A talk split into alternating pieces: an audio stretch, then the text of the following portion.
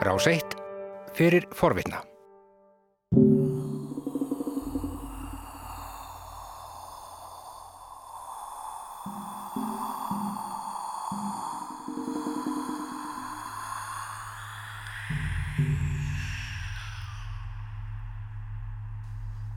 Völusbá telst til goðakvæða ettunar og er frægust allra íslenskra fortkvæða.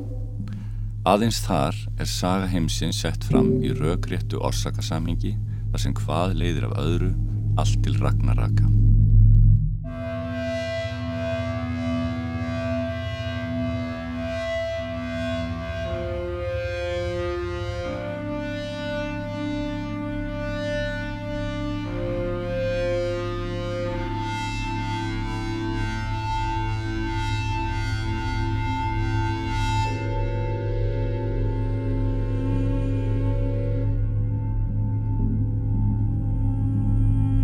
Kvæðið er varðveitt í tveimur gerðum í konungsbók ettukvæða frá setni hluta 13. aldar og í þeim hluta högsbókar sem er frá miðbyggi 14. aldar.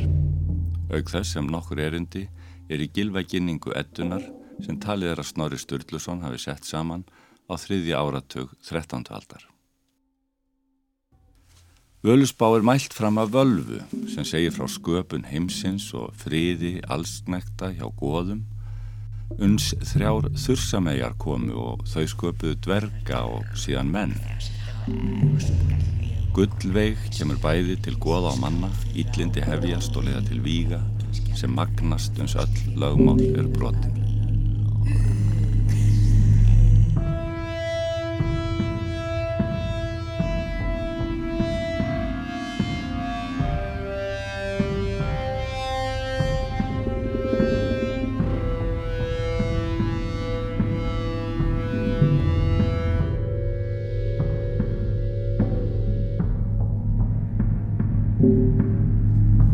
Þá lýsir völvan því hvernig hún öðlaðist með útisettu þá sín sem fram kemur í spanni. Baldur, hinn góði ás, verður drepin, óvinir, ráðlausra goða eblast og gala verður til ragnarraka þar sem allt ferst í eldi, bæði heimur goða og manna. En jörðin rýs upp í annað sinn og þar mun hinn flekklausu búa og indi snjóta.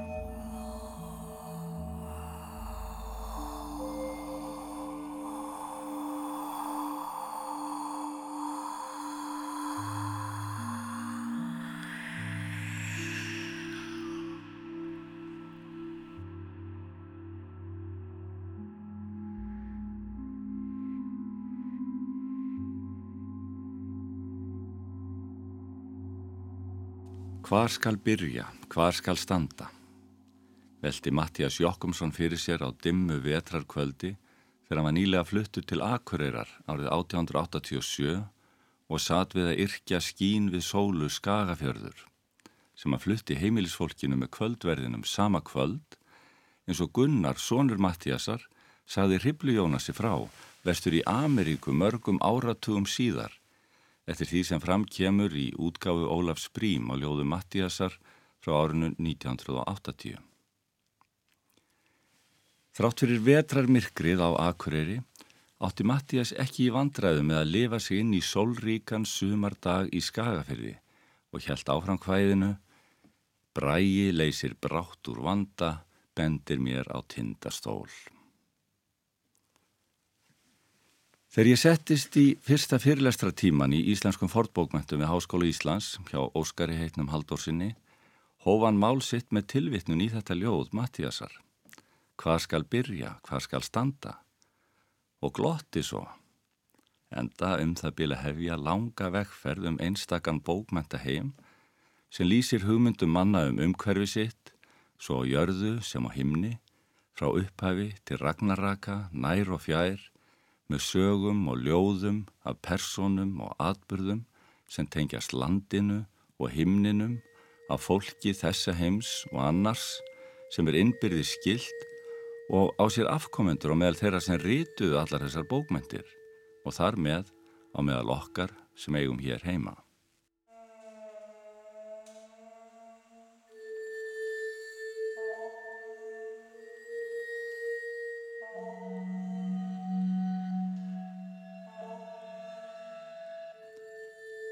Í miðjum vef þessara bókmenta situr völusbá og vísar stöðugt í þekkingu á hennu munlega sagnaheimi sem við getum kynnt okkur að hluta að þeim rítverkum sem til eru.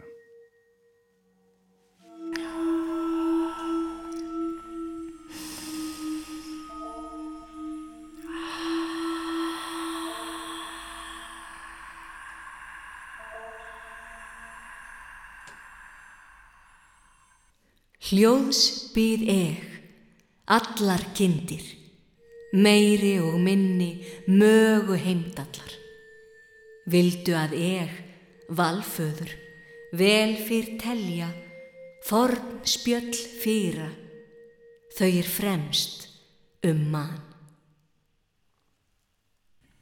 Hmm. Við erum svo heppin að um líkt leiti og völusbá ratað á bókfell á 13. öld skrifaði Snorri Sturluson kennsluritt handa ungum skáldum, ettu, þar sem hann gerði grein fyrir hluta af þeim bakgrunni sem upplýstir áherendur völusbár og hans dögum hafa þekkt vel til. Snorri setur fræðin fram í gegnum samtal Gilva konungs sem réð löndum þar sem nú heitir Svíþjóð og þrý einn skóðmags sem ginnir gilfa með sjónkverfingum og skýrir hvað eina sem blasir við berum augum hans og okkar á himni með því að bregða yfir það goðfræðilegum skýringum. Gilfa verður svo mikið um að hann segir á einum stað mikil tíðindi kannt að segja af himnum. Án skýringaritt snorra myndum við hafa litla hugmyndum hvað væri á segði í völusbá. Samanlagðar fornbókbentinnar endur spekla hugmyndir fólks með allt aðra heimsmynd en við höfum í kollinum. Þetta fólk sveif ekki um á jörð í sólkerfi innan um aðra reykistjörnur á sporbögum sólu í vetrar braud sem er einungis ein af óteljandi slíkum á flegi ferði allar áttir eftir mikla kveld eins og okkur þykir nú sjálfsagt og eigum bátt með að hugsa okkur veröldina öðruvísi. Heldur áttu áheyrendur völusbár heima á kúftri eða böllóttri jörð sem hímininn kveldist yfir og þau vissu að í heininni hafðu menn talið að sá híminn veri gerður úr haus ímis, forföður allra jötna og hennar fyrstu lifandi veru.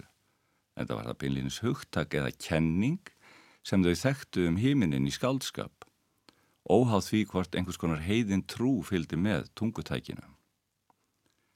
Sjálf jörðin var gerður holdi ímis, sjórin úr blóðinu og heilin myndaði skíin.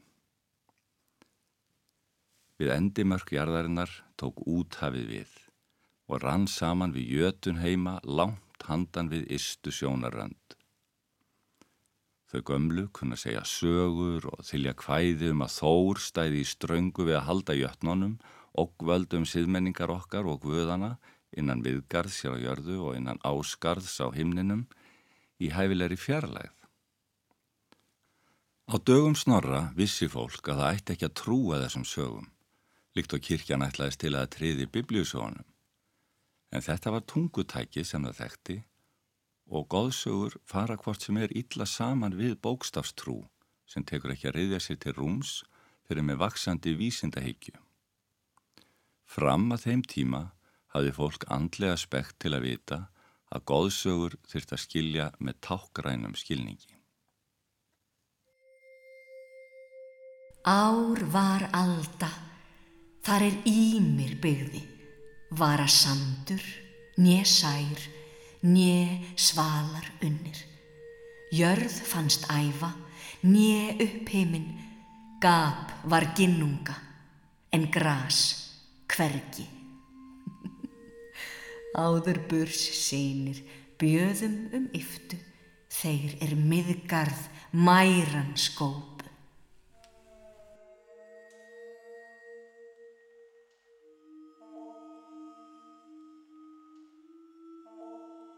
Snorri segir til að fyrra sig allri ábyrð á trúarþætti goðafræðinar.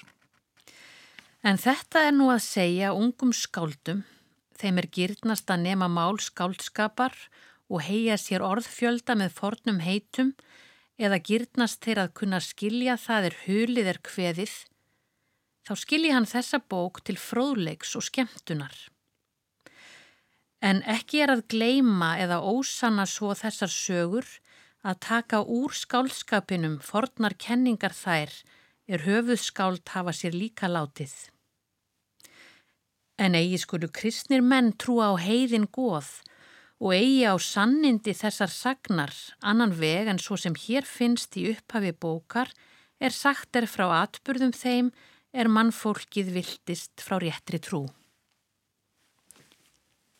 Í þeim heimi sem mannkinni bjó við fram að vísindabildingunni um að jörðin snýrist í kringum sólina, blasti það við öllum eins og það gerir enn í dag ef við látum ekki vísindin tröfl okkur að sólinn kemur upp á austanverðum hímins enda og menn skýrðu fyrir sér áður fyrir að þeir kraftar sem væri þar að verki kemur frá hestum sem dræju sólina í vagnni upp á heiminin á hverjum degi.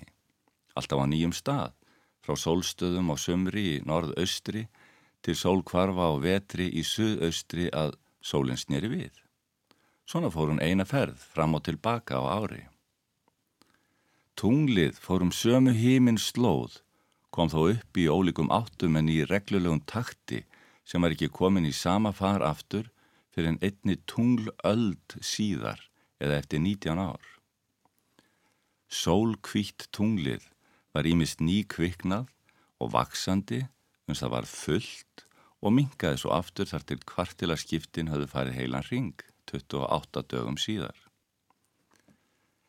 Tunglið var persónigjert sem máni bróði sólarinnar og hann komst um híminin með því að sískinin Bil og Hjúki báru hann í sánum sæg sem þau heldu á milli sín á stönginni símul, svo sem sjá má af jörðu eins og Snorri segir í gelvakinningu og vísar til þess að við sjáum hjásólir og tungl þegar rosabaugar myndast um sólina og tunglið.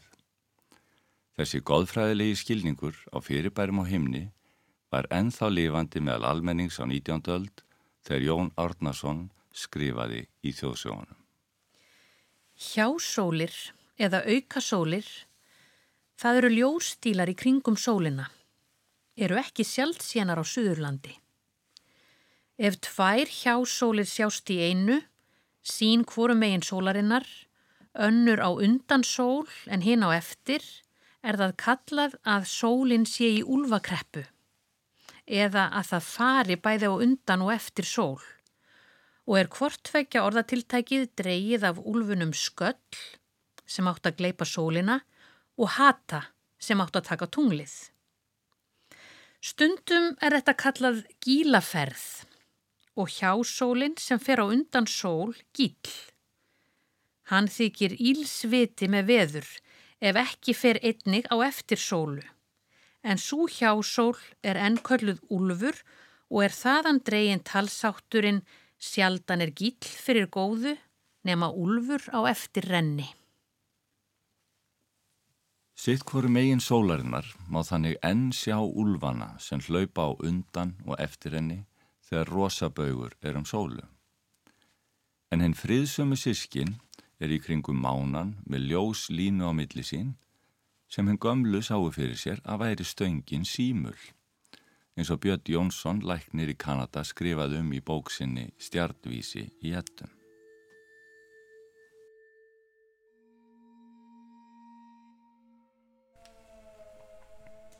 Sól skein sunnan á salarsteina. Þá var grund gróin grænum lauki. Sól varp sunnan sinni mána hendi inni hægri um heimin jóðir. Á sömu braud á himninum eru reykistjörnur á miklu óreglulegri ferð og voru kallaðar Óðinn, Freyja, Týr og Þór áður en þær fengu þau nöfn sem við þekkjum betur, Merkur, Venus, Mars og Júpiter. Og einn til viðbótar sem við vitum ekki hvað norrænir menn nefndu af hornu en við þekkjum sem Saturnus frá því að bækur um klassiska stjörnufræði bárust norðurhingað og voru þýttar á íslensku um líktleiti og Snorri Sturluson skrifaði ettu sína um þau miklu tíðindi sem en sögðu af himnum í heininni. Óðinn heldur sér nærri sólu og snýr ímist hægri eða vinstri hlið aðinni og er mikið ólíkjenda tól, ekki ein hamur eins og kemur meðal annars fram í óljósu kyn hlutverki hans. Nútímalega samsvörun við þessa fjöl eðlis hugmynd má finna í þekktri tákfræði klassískra stjörnusbeki sem svo er köllu til aðgreiningar frá raunvísindalegri stjörnufræði um Merkur. Hinn kunni söngvari hljómsveitarinnar Queen, Freddie Mercury, valdi að kenna sig við þessa markbreytilegu og óræðu reykistjörnu þegar hann tók sér listamannsnafni Mercury sem vísar um leið í óðins eðlið. Freyja fer ekki heldur langt frá sólu, fylgir henni ímist við sólaruppbrás eða sólarlag, er því bæði morgun og kvöldstjarna sem við köllum Venus. En blóðrauður týr fer víðar um híminin undir nútíma nafninu Mars og Bjartur Þór eða Júpiter gengur lang lengst, jafnvel lengra niður en aðrir guðir þegar hann fer í ferðir sínar í Jötunheima í Östurvegi. Í nágrannamálum okkar eru vikudagarnir enþá nefndir eftir þessum sjö höfuð personum híminkválsins. En íslenskan náða að slíta þann eldforna þráð að tengja nöfn dagana við góðumögn reykistjarnana, auk mána og sólar eða sunnu. Í stað tís, óðins og freyju eða frjástags tölum við um þriðja dag, miðvíkudag, fymtadag og kristilegan föstudag. Það reykistjörnur í sólkerfinu sem við lærum um að auki í skólakerfin útímans, Úranus, Neptunus og Plútó teljast ekki með. Þær eru ekki sínilegar með berum augum og voru því ekki hluti af henni fornu heimsmynd.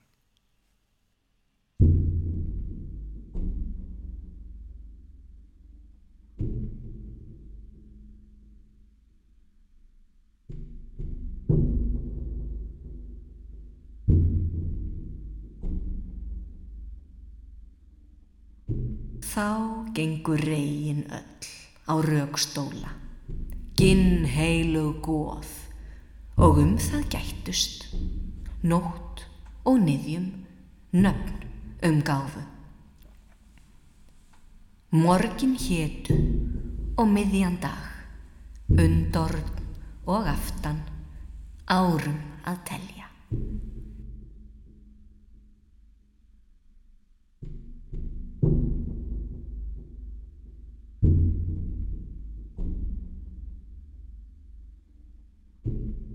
Höfuð góðmögg vikudagana sjö eru hvert á sínu heiminn kveli, hérna megin við kvítleitt og hálfu gegnsætt heimstreð á himni, Ask Yggdrasils og heiminnfestinguna sem snýst eitt ring um leiðarstjörnuna í há norðri á hverjum sólarring en haggast ekki frá okkur séð miða við reyfinguna á öllum reykistjörnunum. Allar þessar reyfingar á nýju heiminn kvelum þekkti og skildi hvert upplýst mannsbarn um það leiti sem völusbá var færið í letur á 13. öld.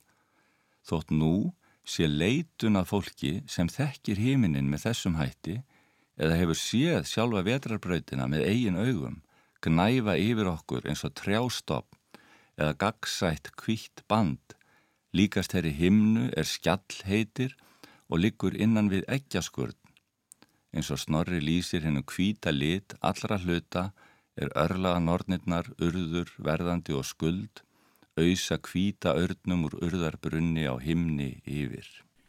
Hmm. Eg mann jötna, ár um borna, þá er forðum mig fætta höfðu. Nýju mann ég heima, nýju íviðjur, mjöt við mæran, fyrir mold neðan. Ef við ættum þess kost að sitja í heitapottinum með snorra í reykholti, ánatra ljósmengunar frá gróðurhúsum og annari raflýsingu og heyra hann skýra hvernig hann lagði göngin úr kjallaranum á húsi sínu að brún pottsins til að fyrstu geyslatnir við sólaruppkomu um veturnætur skinu bent inn í göngin svo hann gæti alltaf stilt misseratali sitt af við upphaf vetrar eins og sjáum á enn í dag og hlusta á hann segja frá hennu mesta og besta tré allra trjáa sem dreifðist yfir heim allan og stæði yfir himni með rætur við urðarbrunn hjá ásum á himni og að niðri hjá hrímþursum við mímisbrunn og í nipplheimi þar sem nýðhöggur nagar rótina er líklegt að okkur er því fljótlega starfsýnd á vetrarbrautina sem rýs eins og mæni ás himins um þvert himinkvolvið kemur upp um þið forna skip hímins argómerkið og heldur áfram í gegnum tvíburamerkið sem sést vel á dýrarhingnum frá Íslandi og hverfur svo niður hjá sportreganum sem vomir rétt neðan sjóndeldarhingsins hér á landi þannig ekki glittir í hann nema snemma á vorin. Eins og fólk getur lesið sér til um á stjörnufræði vefnum stjörnufræði.is Björn Jónsson læknir í Swan River í Kanada, var fyrstur nútíma manna til að benda á þessa skýringu í fyrirlestur sem hann hjælt á fyrstu alþjóðar ástefnunni um hefðbundna stjörnufræði sem Smithsonian-stofnuninn í Bandaríkjónum bóðaði til í upphæfi nýjunda áratuga síðustu aldar. Þar varð ljóst að allar þjóðir heims hafa fylst með reyfingum híminn natta og komið sér upp goðfræðilegu hugtakakerfi um það sem fyrir augu ber á himni. Engin ástæða er til að ætla að Íslandingar af hortnu hafi skorið sig úr að þessu leiti.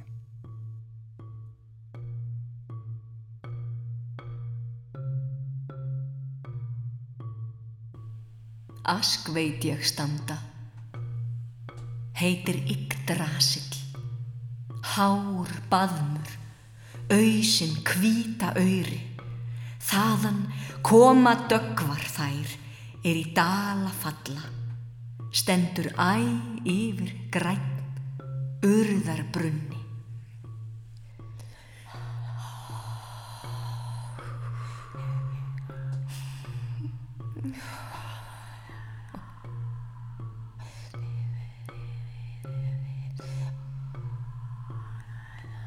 Til að byrja að reyna að skilja hinnar fornu bókmæntir er gott að láta Braga benda sér á þann tindastól þar sem hægt er að gera sitt besta til að sjá heiminn frá hennu mannlega sjónarhorni okkar sem stöndum hér á jörðu án þeirrar þekkingar sem vísindin hafa fært okkur á skipan heimsins og horfa hugfangin til hímins í leitað svörum við ráðgátum tilverunar í uppáttækjum þeirra goðmagna sem þar er að bjástra.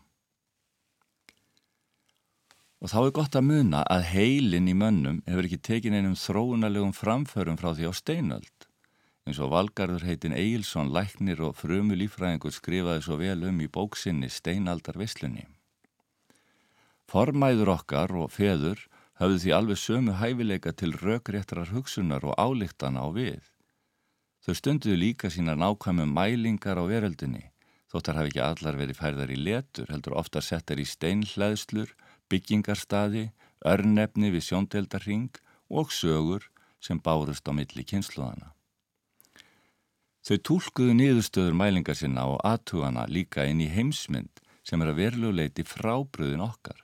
Það sem var sjálfsagt að gera ráð fyrir góðmögnuðum kröftum að baki þess sem fyrir augu og eiru bar í umhverfinu. Heimsmynd völusbár er því ekki hluti af nefni ævintýra veröld, handan okkar heims, heldur niðurstaða af rökréttri tólkun þess heims sem við getum enþá séð umhverfis okkur. Ef við látum sjónkverfingu vísindana um sólkerfið ekki ruggla okkur sín. Og þessi heimsmynd er tjáð með tungutæki goðafræðinar, elsta hugtaka kerfismannsins um niðurstöður mælinga sinna og skipularar hugsunar um heiminn hittust æsir á yðavelli.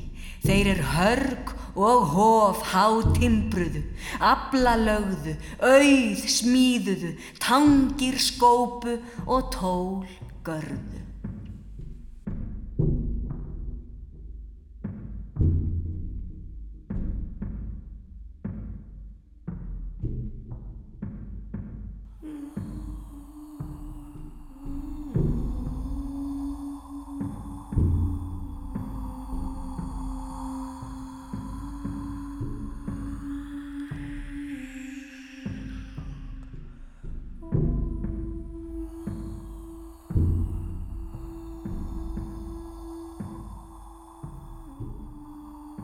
Allar hinnar reikandi höfuð personur goðafræðinar halda sig í kringum braud sólarinnar á himni sem fer eitt ring um merki eða hús dýrarhingsins á hverju ári frá okkur séð á jörðu.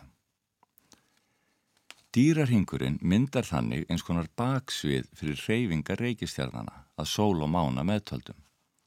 Og því er oft talað um að þær séu í hinum og þessum merkjum sem fólk þekki sem stjörnumerkin sem við erum fætti í. Tímasetning merkjana var ákvörðuð fyrir um 2000 árum þegar vorpunktur sólar sá staðu sem sólinn er á í dýrarhingnum við jafndægur á vori var að færast úr hrútsmerkinu yfir í fiskamerkið og upprann heimsaldur fiskanna. Um þar myndir er spámaður fættist undir vonar stjörnu yfir Betlehem og bóðaði fiskimannum við Geneservatn nýjan bóðskap sem þeir breyttu um heiminn og notuðu fiskin sem líkil ták. Þúsund árum síðar tóku Íslendingar við þessum bóðskap á alþingi. Vorpunkturinn er nú að færast fram í næsta merki Vassberan og því lifum við nú við dögun aldar vassberans eins og mörg þekkja úr söngleiknum Hárinu.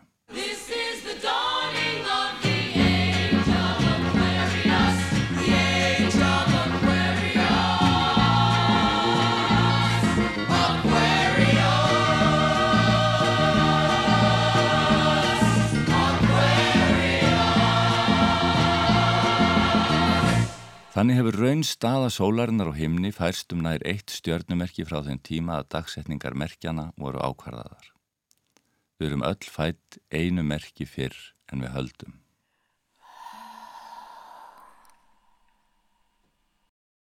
Fundu á landi, lít meigandi, ask og emblu, örlöglausa.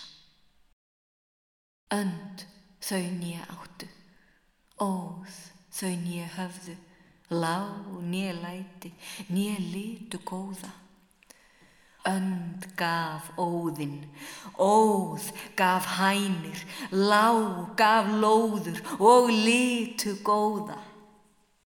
Ofan og neðan við solbögin og dýrarhingin á himninum eru önnu stjörnumerki sem eru nú mörg hver kent við fyrirbæri í klassískri goðafræði frá miðjararhafinu í hennum vestræna heimi. Við alla stjörnuskoðun um veröld víða og í fyrstu þýttu miðjararhaf stjörnufræðinni hér á landi er gerður greinarmunur á sólmörkum eða húsum dýrarhingsins og stjörnumörkum sem við kallum nú merki. Í norrænu goðafræðinni er greint á milli sala á himni sem sólin á og staða á himni sem stjörnunar eiga eftir að reglu hefur verið komið á gang himinnnattana. Kanski geima þessi hugtök salir og staðir norrænu aðgreininguna á sólmerkjum dýrarhengsins og stjörnumerkjum.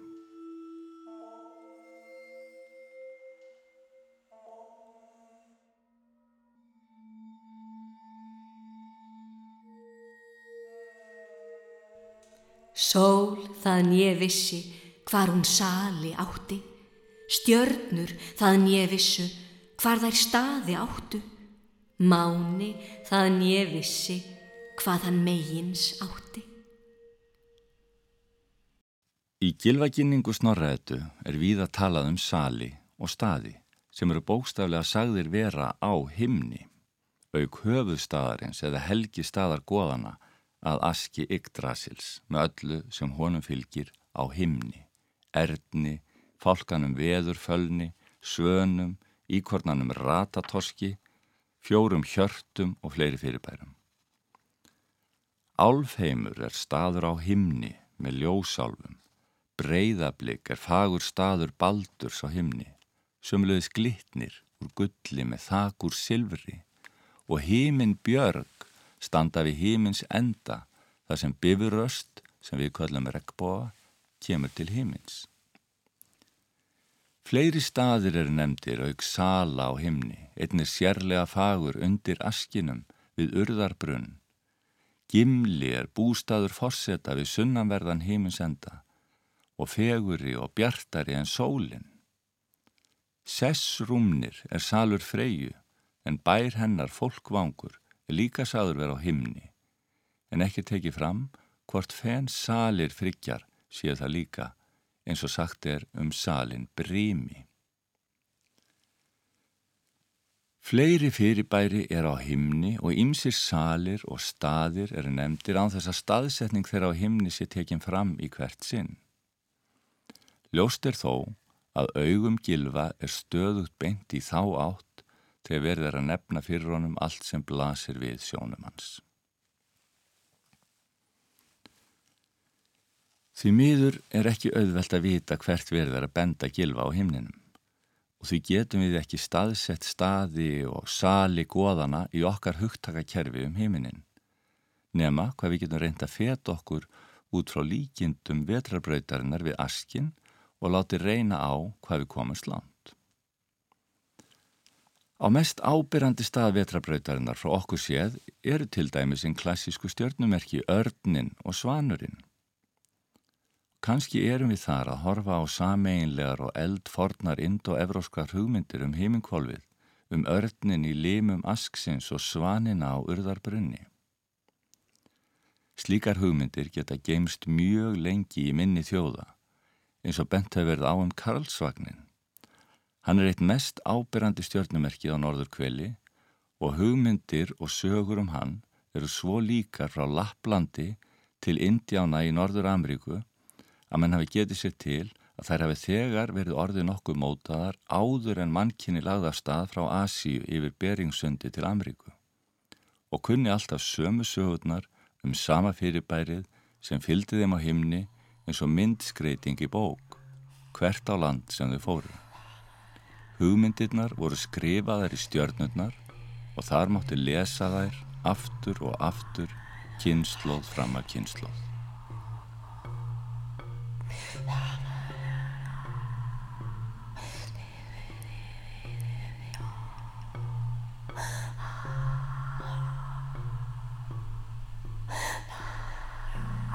Þaðan koma meir, margs vitandi, þrjár úr þeim sæ er und þolli stendur.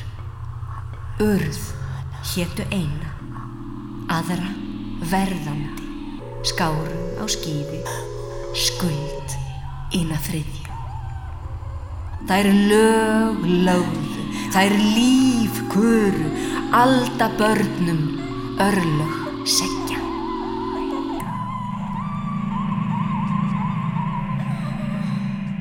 Í áðurnemndri þýðingu á miðjararhaf stjörnufræðinni sem gerð var á dögum Snorra Sturlusonar og er varðveitt í handritinu GKS 1812 kvartó er talað um að heiðnir menn gáðu nöfn sólmerkjum eftir því sem þeim þótti veðráttu farið eða gróða hvert mánuð. Og má vera að þarna sé vísað til hennar fornu íslensku mánaðaheita. Önnur og auðskýrðari tilvísun er í tengslum við lýsingu á stjörnumerkinu Andrometu í vetrabrautinni og þýðandin bætir við um nákrenni hennar þar sem við er köllum úlfskjaft. Til frekari skýringar er bent á að þetta sé regnstyrnið í nautsmerkinu, ábyrrandi vafflaga merki sem brautsólarinnar liggur um, þannig að þau sem hafa séð þetta vaff í nautsmerkinu fyrir sér sem úlfskjaft hafa væntanlega verið spennt á hverju ári að fylgjast með hvort sólinn slippi út um gynið þegar hún gekk í gegnum nautsmerkið og út um úlskjaftin í júni byrjun og var því alltaf vel sloppin áður en sólmánuður gekk í gard á mánudegi í nýjöndu viku sumars.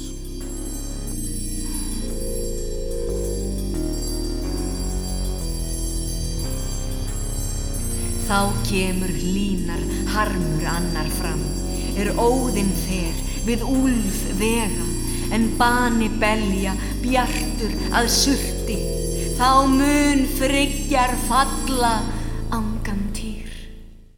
Völusbá er ekki þess konar kvæði sem var orft af einu skaldi á myrkum vetrardegi eins og því sólríka kvæði Mattíasar Jokkumssonar um Skagafjörð. Völusbá segir sögu og geymir hugmyndir með skaldlegu tungutæki sem á sér djúpar rætur meðal þeirra sem töluðu og kváðu á norrænu máli og er margt líkt að brag og orðfæri með fornum þýskum og ennskum kvæðum. Við getum því ekki talað um neina tímasetningu fyrir tilurð völusbár eða notað hugtök sem gefa til kynna að tiltekki skáld hafi orrt völusbá á ákveðnum tímapunkti. Hugsun okkar nær ekki aftur í þá árdaga þegar fólk hvað ekki hvæði að þessu tægi um hugmyndir sínar um upphaf og endalók heimsins.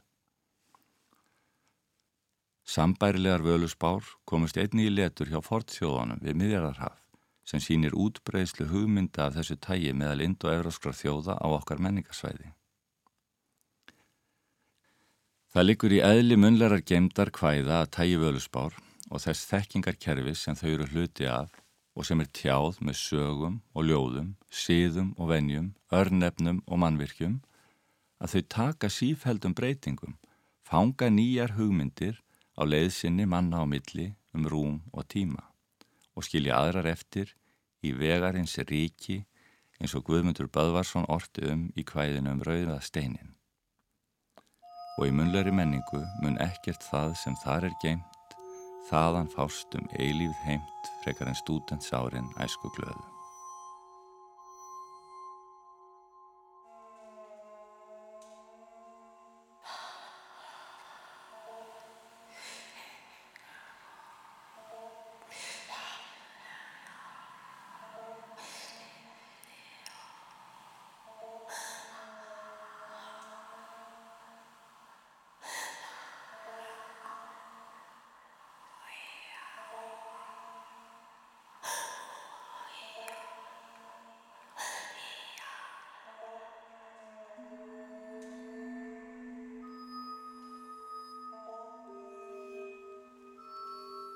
Næstu þáttum höldum við áfram að reyna að skilja þann jarðveg sem völusbái sprottin úr og áhrif þess á skilning okkar á hvæðinu að gera ráð fyrir uppruna þess í munlegri gemd kynnslóðana.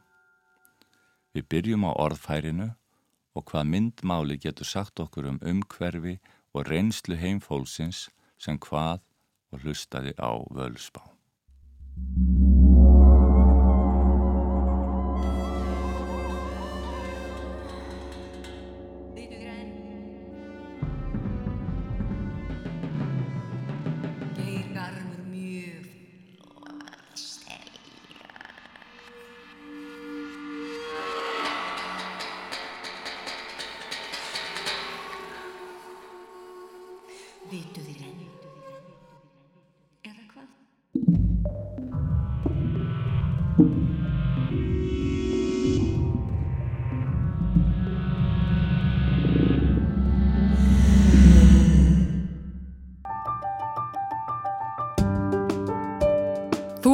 Hlusta á hlaðvarpsþátt frá Rás 1.